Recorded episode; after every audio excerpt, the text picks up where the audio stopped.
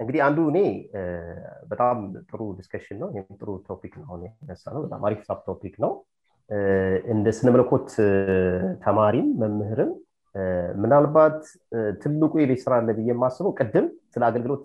ዲፋን ያደረግንበት መንገድ አለፋ ስንል አዲስ ትርጉም እየሰጠ ነው አደለም ትክክለኛውን ትርጉም እያስታውስን ነበር ና ቤተክርስቲያን ላይ እንግዲህ ሁላችንም የአቫንም ጨምሮ ምናልባት ወንድን ነው ዛሬ አዲስ የተያየ ነው እንጂ ካፍ አንተንም ጨምሮ ሁላችንም ስናግስናድግ እንዲሁም እ ታችጋ አደለም ትልቅ ስራ እንዳለ የሚታሰበው በ ላይ ትላልቁ ጋር ምናምን ተደርጎ ነው የሚታሰበው እና ስንመጣ የመጣንበት መንገድ አለእና አሁን ቤተክርስቲያን አሁን ያለውን ለመስራት ምን መደረግአለበት የሚለው በኋላ ላይ ንሽ አንድ ቃውስ እላብራ ችላለው ግን ቀጥሎ ያለውን ለማዳን መሰራት አለበት የማስበው ቤተክርስቲያን መጽሐፍ ቅዱሳዊ የሆነ ስክሪፕቸራል የሆነ ትርጉም ልትሰጠው ይገባል አገልግሎቷል ተልእኮዋል በተመለከተ ለምሳሌ አንድ ጥያቄ የምጠይቅ አሁን የአዲስ ከተማ መካኒሱስ ማህበረ መመናን የሙሉ ጊዜ አገጋም ነበርኩ እንደገና ደግሞ አባልም ነበር አሁ ወደ አርማ ምንጭም ወደ ሌላ ቦታም ከመሄደ በፊት አንድ ያቄ ቀላል ጥያቄ መጠየቅ ነው እዛ ጋ ያለችው ማህበረ መመን ምንድነ ተልኮዋ ምንድነው ማየት የምትፈልገው እዛ በመሆኗ ምንድነ የምትፈልገው ንሶ ይ የኮንሶን ኮሚኒቲ ከእግዚአብሔር መንግስትና ከእግዚአብሔር ቃል አንጻር ምን ሆኖ ማየት ትፈልጋለች የተጻፈ የተቀመጠ እሱ ላይ ቆሞ የሚሰራ ስራ አለ ወይም ይህም በጣም ማሰብ ያስፈልጋል ይ ግስት ት ሚኒ ምፓክት ለማምጣት ነው ንሉን ለመፍጠር ነው እንደእኔ ከ አንዳንዴ በጣም እኔ በጣምበጣበጣም ይሄ ኮንሶ ላይ የተፈጠሩ ነገሮች በሙሉ ከቤተክርስቲያን እጅ መውጣት የማይችሉ ነገሮች ነበሩ የአቅም ጉዳይ ካልሆነ መስጠቀር ሁሉንም ቁጭ አድርጋ ምክንያቱ ቤተክርስቲያን ቅድም እዳንነው ቤተክርስቲያን እዚህም እዛም የምትል አደለችም ፖርሲኛ ሰዎች አማኞች ተሰብስበን የምናደርገው ነገር ነው ግን ጉልበት አላት ከሌላው የሚበልጥ አቅም አላት አንደኛው መንፈሳዊ ኦቶሪቲ አለ መለኮታዊ ኦቶሪቲ አለ ስትጸል እግዚአብሔር ይሰማታል እግዚአብሔር በእውነት የጸለየችውን ጸሎት ደግሞ ይፈጽማል ስትራግል ስታደርግም ደግሞ ከእግዚአብሔር ቃል አንፃር ስትራግል ታደርጋለች ስለዚህ እኔ እዛ አካባቢ ያለው ለምሳሌ በሰበካ ደረጃ ያለው በባህበር ምመናን ደረጃ ያለው ምንድን ነው ለኮንሶ እግዚአብሔር ይፈልጋል እንደዛ እንድናስብ ለምሳሌ እኔ በነበርኩበት አንድ ቤተክርስቲያን ላ ሌላ ቦታ ነው የቤተክርስቲያኑ ያአጥቢያውን ሚሽን ስቴትመንት ሲገልጹ ምና አሉ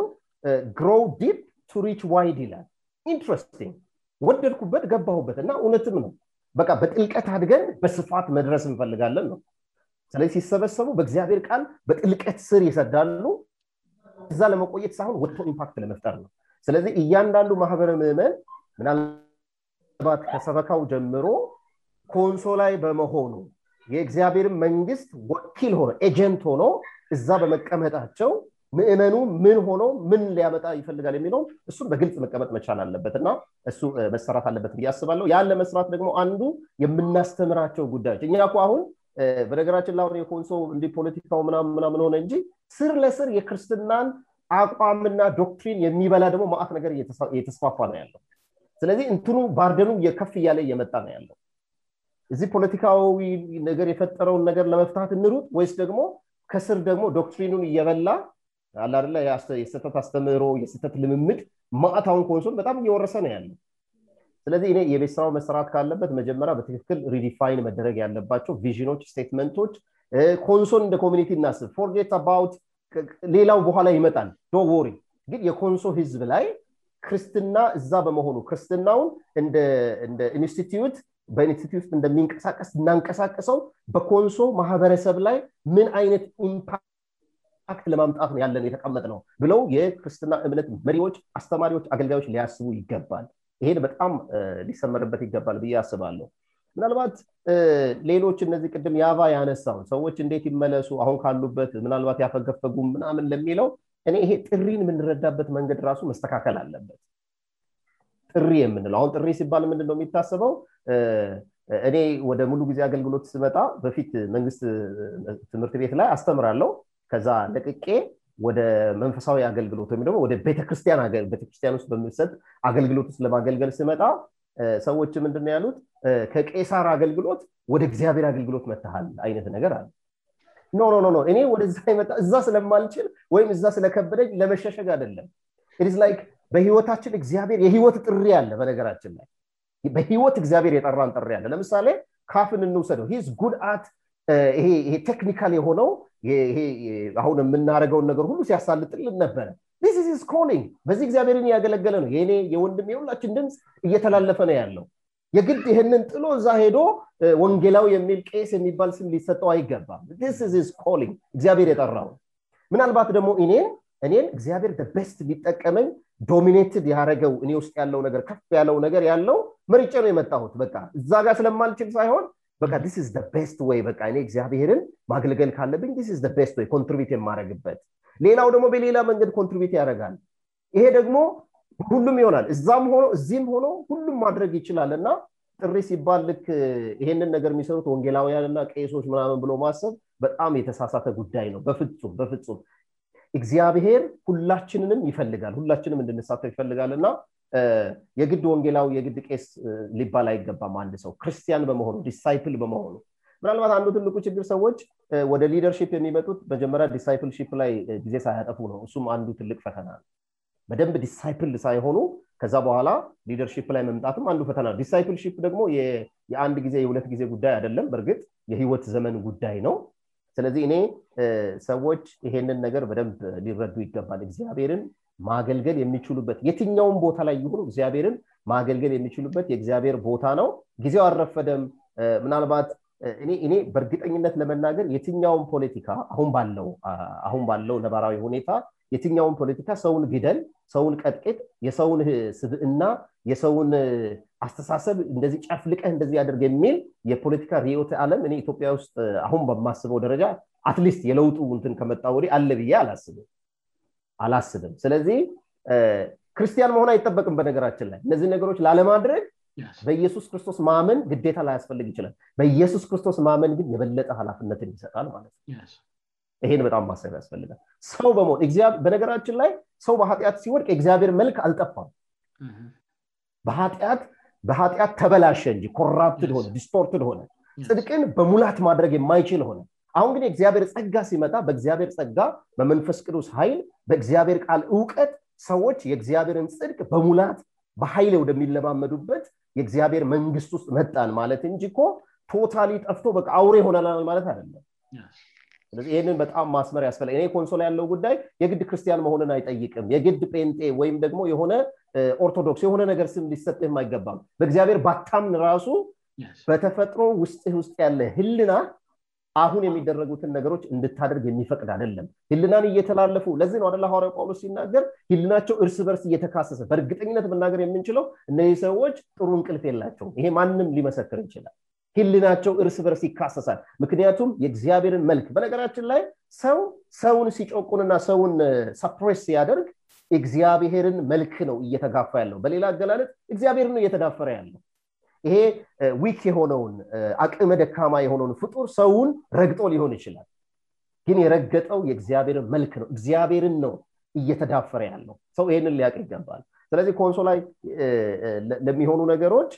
በእነት ሁን እኛ ይሄን ሁሉ እንድንል የሚያደርገን ውስጡን ስለምናቅነ ማን ነው የት ያለው የሚለው በደንብ ስለምናቅም እ ትላንትና ቤተክርስቲያንን ቀጥለት አድርገው ሲመሩ የነበሩ የእግዚአብሔርን እውነት ሲያስሰምሩ እና ሲናገሩ የነበሩ ሰዎች ናቸው ዛሬ ላይ እነሱ ኮ ነቢይ ሊሆኑ ይገባ ነበር እችን ነቢይ የምትለዋን ፕ በሌላ ነገር አትውሰዱብኝ የእግዚአብሔርን ጽድቅ ግዚብሔርን እውነት ትክክለኛውን ነገር በማወጭ በመናገር በመቃወም ደግሞ በተግባር በመፈፀም ሊያደርገ የሚገቡ ናቸው ጊዜው አልረፈደም ገና ሀገራችን ገና ገና ገና ወደዛ ለመሄድ እየሰራም ነው ያለነው ብዙ ፈተና አለብን ግን ጊዜው አለ ወደ ትክክለኛው ትራክክ በመምጣት እንትኑን አናርቀው እናቅርበው አሁን እ አሁን በምንከተለው መንገድ ነገሩን በጣም እያራቅን ነው ምንሄደው ግን አሁን በምንነጋገረው መንገድ ውስጥ ብንመጣ ማናችንም አንጎዳም ሁላችንም እናተርፋለን ወደ ትክክለኛ መንገድ ውስጥ እንገባለን ን ይ በጣም እናመሰግናለን ወንግላብዮትን ቤ ጋይቦ ስ መጫረሻ ላይ ዚህ ፖለቲካ ላይ ላሉ ወቅ እንግዲአ በጣም ጥሩ ያነሳ ሀሳብ እያንዳንዱ ሰው ቢያንስ ሃይማኖት አለውና እያንዳንዱ ሃይማኖት ደግሞ መልካም ነገር ያስተምራል ጽንፈኞችን ወደዛትቴ ማለት አብዛው ሃይማኖት መጽፍቶችን ስትመለከጡ ለሰው መልካም ነገር ማድረግ ፍቅሬን ትትናን ያስተምራል አብዛኛው አለም ላይ ያሉ ሃይማኖቶችን እና እንግዲህ አሁን ኮንሶላላ የምንመለከተ አጠቃላይ ኢትዮጵያ ውስጥ የምናየው አንዳንድ ጊዜ ከሃይማኖት አስተምሮም ውጭ ያፈነገጡ ናቸውእና ከዚህ የእሳቤ አንጻር እንደርገ ወደላ ይመለሱ ወደ ራሳቸው ወደ ቀደመ ማንነታቸውካልቸሩ ራሱ አ ሃይማኖትንኳ ሰውይኖረው ባህ ሱ በሰውላይ የሚፈጥ ተጽዕለመልካምነትን ያስተምራል ሰው ክ የኛውካልቸር ላይስሄድማትነውእ ከዚህ ማህበረሰባዊ ሳቢያ አንፃር ሰዎች ዩናባሲቶ ከሆነ እንደርወደላ መለሱ የ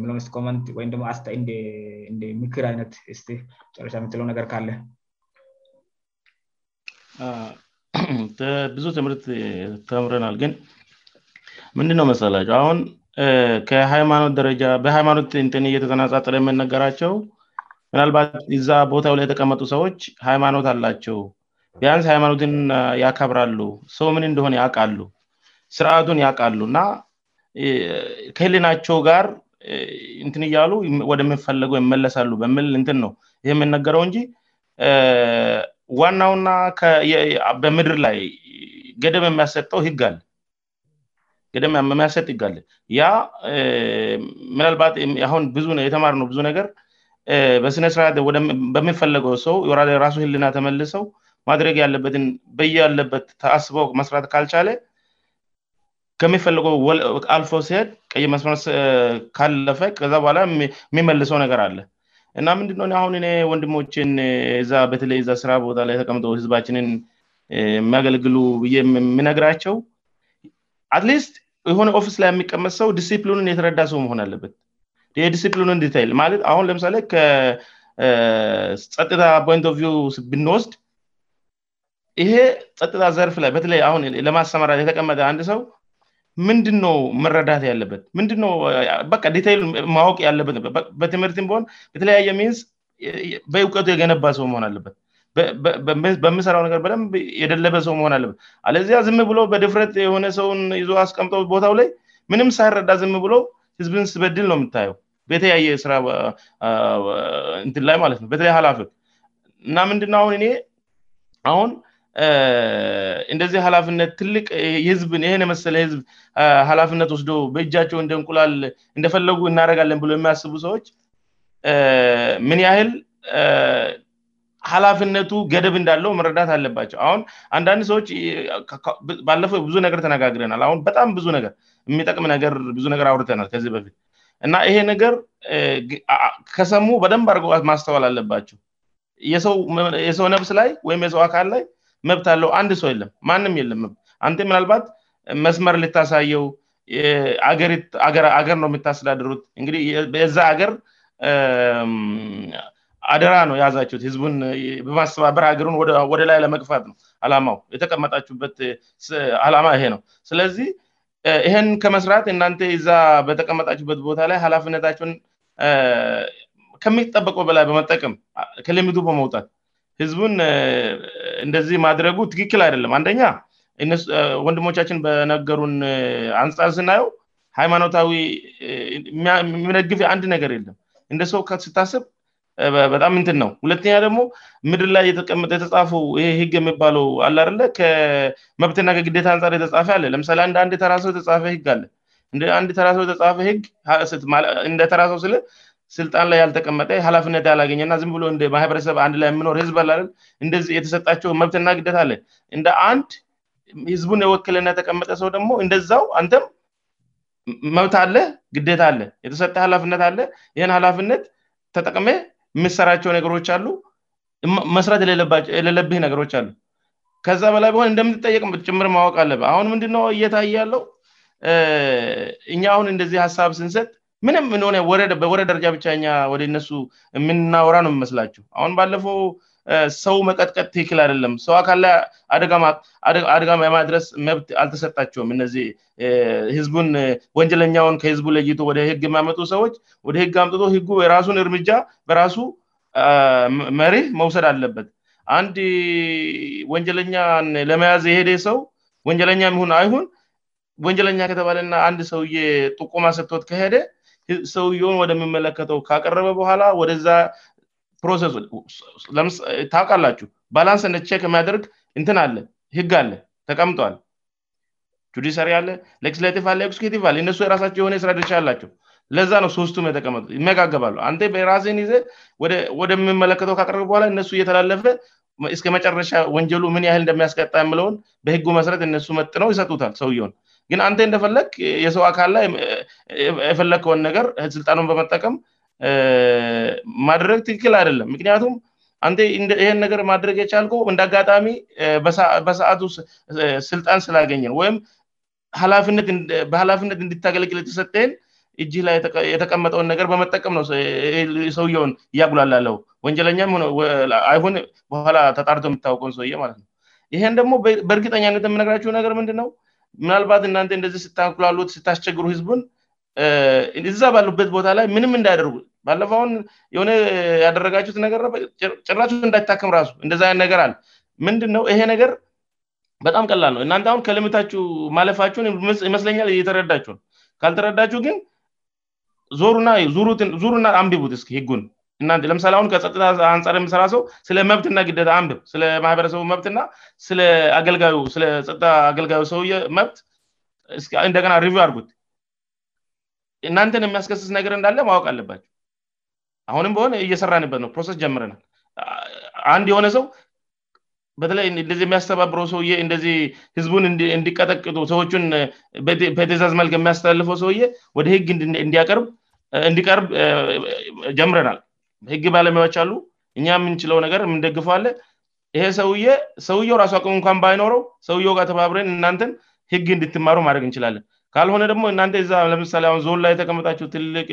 ዞን መሰለ ላይ ቦታ ላይ ተቀምጣቸው ዛዝ የምሰጡ ሰዎች እንደዚህ ገወጥ አለብላ የሚትሉ ሰዎች እናንተም የራሳችሁ ልምት ማወቅ አለባቸው ሁሉም ነገር አያደላቸው አንደኛ ባለፎ እንደተነጋገር ነው ሁምነገጊዜ ገደብ አለው ከጊዜ ገደብ ያለፈ ነገር የለም አ በሆነ ስከተወሰነ ሰርተ አንድ ጓደኛችን እንዳለው ው አይታችዋል ከዚህ በፊት የነበረው ህግ ምንድነው የኢትዮጵያን መንግስት ሆነው ሲያስተዳድ የነበረው አሁን የት እንደገቡት አይታችሁታል ስለዚህ የትም አታመልጥ ምናልባት አሁን በዚህ ሰዓት በእጅ ያስገውን ነገር በመጠቀም ልታኩላላ ይችላል ግ ነገ ላይ ይሄ ነገር ቀጣይነት የሌለው እንደሆነ ማወቅ አለብን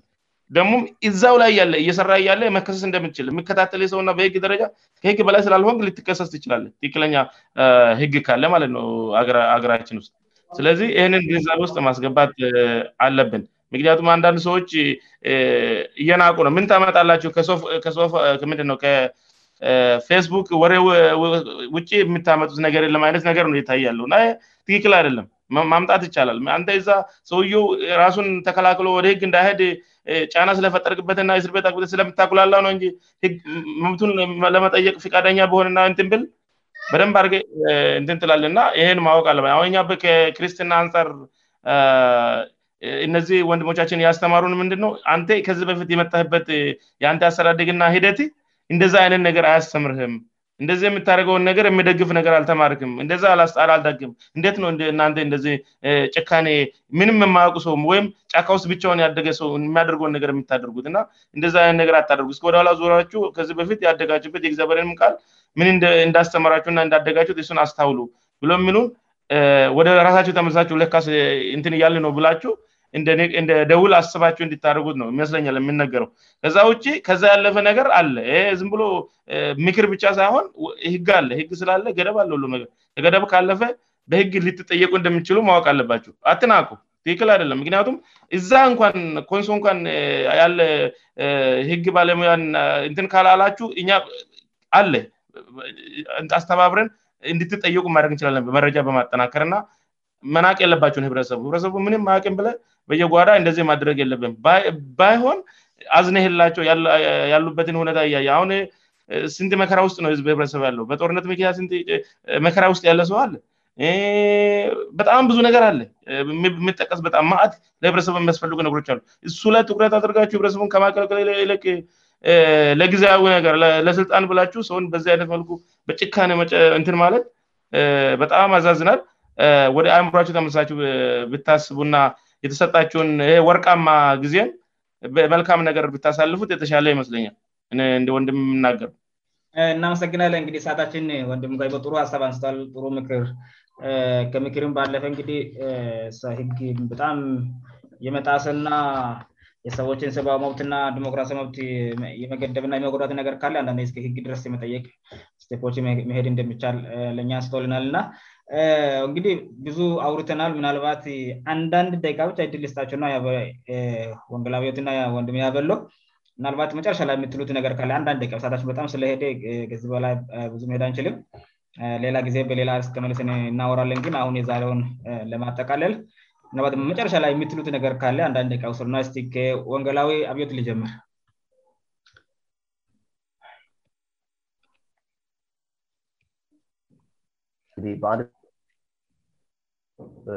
ማለት የምንፈልገውእስካአሁን ያወራናቸው ነገሮች ይሄ እየተከታተሉ የነበሩ ሰዎች በተለይ በንሶ በየግላቸው ማውራት ይቀጥእሱ ማለት የምንፈልገው ሰው ያውራው ሁሉ ሰው ያውራው ሲሄድ ነገሮች በደንብ ስር እየሰደዱ ጥሩ አመለካከት ላይ ለውጥ እየመጣ ይሄዳል ና እኔ ኮንቨርዜሽን ዳያልጉ ወደዛም ይቀጥል አሁን በዚህ በላይ ስላደረግነው ብቻ ሳይሆን መቀጠል አለበት የሚል እምነት አለኝ ሌላው ማሳሰብ የምፈልገው እኛ ይህን ሁሉ ስናደርግ እዚህ ቦታ ላይ ስናወራ ግንዛቤ መፍጠር ነው በ ትክለኛ ግንዛቤ መፍጠር ስራ ስለሆነ ይሄንን ሰው በጣም ሊረዳ ይገባል የሆነ አንታገኒስት ሆነን እዚህ የነ በኦፖዚት ስ በመምጣት እንደሆነ ማሰብ የለ ምክንያቱም እኛም አለንበት በነገራችን ላይ እዛ ጋ ለሚሆነው ነገር ሁሉ እኛም አለንበት ስለዚህ እኛ ራሳችንም አካትን እያወራን እንደሆነ ሰዎች እንዲገነዘቡ ለማሳሰብ እወዳለው አመሰግናል ይ በጣም እናመሰግናለ ወያሎት መጨረሻ ላ የምጥሎ ነገር ካለ በና እሺ እኔም በአጭሩ መናገር የምፈልገው ምንድን ነው ያው ከዚህ በፊትም ባለፈውም ስንነጋገር የተናገርኩትን ሀሳብ ድድገምና በሱ ልጨርስ መንግስት የእግዚአብሔር ስርዓት ነው የጋራችን ነው ህዝብ ደግሞ የጋራችን ነው እነዚህ ሁለቱን ነገሮች እንድታስተውሉ እንፈልጋለን ማለት የመንግስት ሲስተም ውስጥ ሆናቸሁ ህዝብ እንድታገለግሉ ከእግዚአብሔር አንጻሪም እንዳወራ ነው አገልጋዮች ናቸሁ በተለክርስቲያን ናችሁ ሁለተኛ ደግሞ እግዚአብሔርም ነው እዚያ ጋር ያኖራችሁ አጋጣሚ ሊመስል ይችላል ያው ከነባሮቹ ጋር ስለነበራችሁ ወደዛ የመጣችሁ ሊመስላችሁ ይችላል ጥቅም ስለሚያስገኝ እዛ ጋሄዳችሁ ሊመስላችሁ ይችላል እና ምንም የሆን ምን ግን መንግስትና ህዝብ የጋራችን ነው ብለ የተነሳ ነው ነገሮች ከቁጥጥር ውጭ የሆኑ ስለመሰለን ነው ወደዚህ የመጣ ነውእና አሁንም ባካችሁን እንደ መስተዋት ተጠቀሙ ስሜታዊ የሆነን እንኳን ብንቆጣችው ስለህዝባችን ስለሚያገባል ስለእናንተ ጭምር ስለሚያገባን ነው ማለት የእውነት የሚያስጠይቋችሁን ነገሮች አታደርጉ ምናልባት በጣም በጥንቃቄ ያደረጋችሁ ሊመስላችሁ ይችላል የምትጠየቁበት ምንም መንገድ እንደሌለ ልታስቡ ትችላላችሁ ከጀርባ ሆናችሁ ብቻ ነገሮችን የሚታደጉ ከሆነ ማለት ነው እነዚህ የምንቃወማቸውን የፍትሐዊነቶች ና መጉላላቶች በተለይ ሰዎች በነገሮችን በማክረራችሁ በዛ አጋጣሚ የሰው ህይወትም እየጠፋ ያለበት ሁኔታ ነው ያለው የብዙ ሰው አካል እየጎደለ ያለበት ሁኔታ ነው ያለውና እንግዲህ ከዛሬ አንጻር ብቻ ለማለት ያክል የመጣኒበት መንገድ አለ የቀደመ ህይወት አለን ይሄ ሙሉ ህይወታችን አደለም አሁን ያላችሁበት ቦታ ሙሉ ህይወታችሁ አደለም እግዚአብሔር ከፈቀደ ከዚህ ሃላፍነት ዞር ብላችሁ ቀጣ ህይወት ይኖራችሁ ይሆናል የቀደመውን ግን ተመልከቱ ከእግዚአብሔር ጋር ያላችሁ ነገር ተመልከቱ መንፈሳዊ እሴቶቻችን ከእግዚአብሔር ጋር ያሉ ህብረታችሁ ውስጣችሁ ላይ የጨመራቸውን እግዚአብሔር ከኛ የሚፈልጋቸውን እሴቶች አስቡና አቅማችሁ በፈቀደ መልካም ለማድረግ ጥረት አድርጉ በተቻላችሁ መጠን የኛም ምክር ተጠቀሙ በተቻላችሁ መጠን የእኛም ምክር ተጠቀሙ ምክንያቱም ለህዝባችን ነው እዚያ ጋር የተቀመጣችሁት እድሉን አግኝታችዋል የተሻለ ለውጥ ማድረግ እንድትችሉ እኛም ከጎናችው ሆነን ማድረግ የምንችለው እናደረጋለን ማቃናት ሆን መቆጣት ሆን መደገፍ ሆን ለሁሉ ነገር አብረንን እና በ በአጭሩ ምክራችንን እባካችሁን በትህትና እንድትቀበሉ አደራላለሁ አመሰግናለሁ